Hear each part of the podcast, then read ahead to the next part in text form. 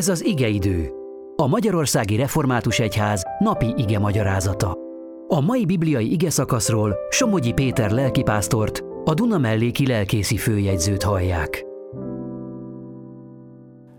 Áldás békesség! Isten igéjét az apostolok cselekedetéről írott könyvből olvasom a hatodik fejezet nyolcadik versétől a fejezet végéig, ahol így szól.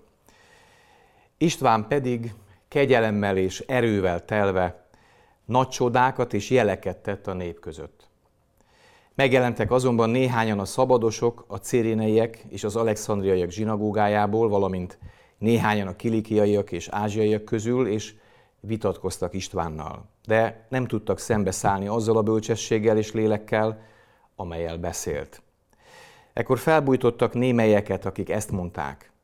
Hallottuk, amikor káromolta Mózest és az Istent.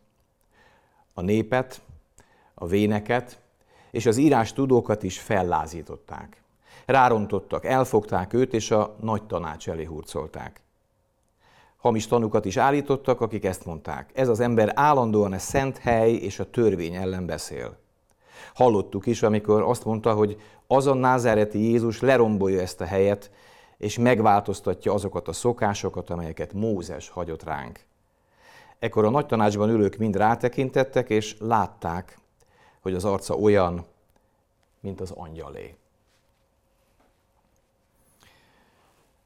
Ezen a héten, ahogyan elindulunk, egy különös arckép csarnok tárul elénk innen a bibliai könyvből, és itt ennek az első képe Istváné, az apostolok melletti diakónusok egyike ő a hét közül.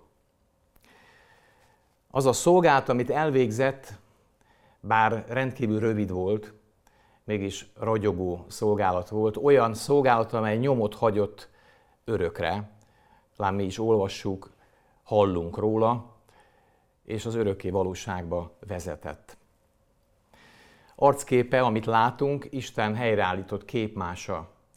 Jézus Krisztus személye, akiért élt, aki betöltötte őt, Jézus személye ábrázolódott ki, rajzolódott ki rajta. És ez a kép olyan különösen ragyog fel, hogy benne van ez a különös kettősség, amely Jézusban is jelen volt, ellenállhatatlan ez a ragyogó kép, és mégis úgy tűnik, mintha legyőzhető lenne.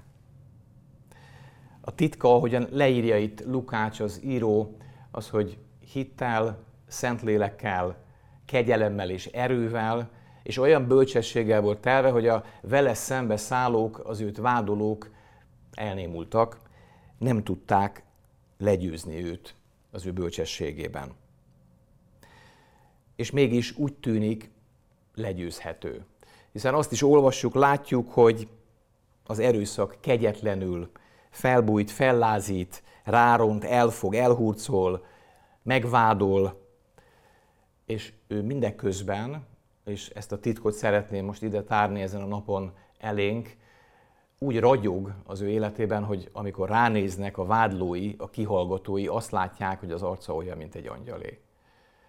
Jó ránézni egy ilyen emberre.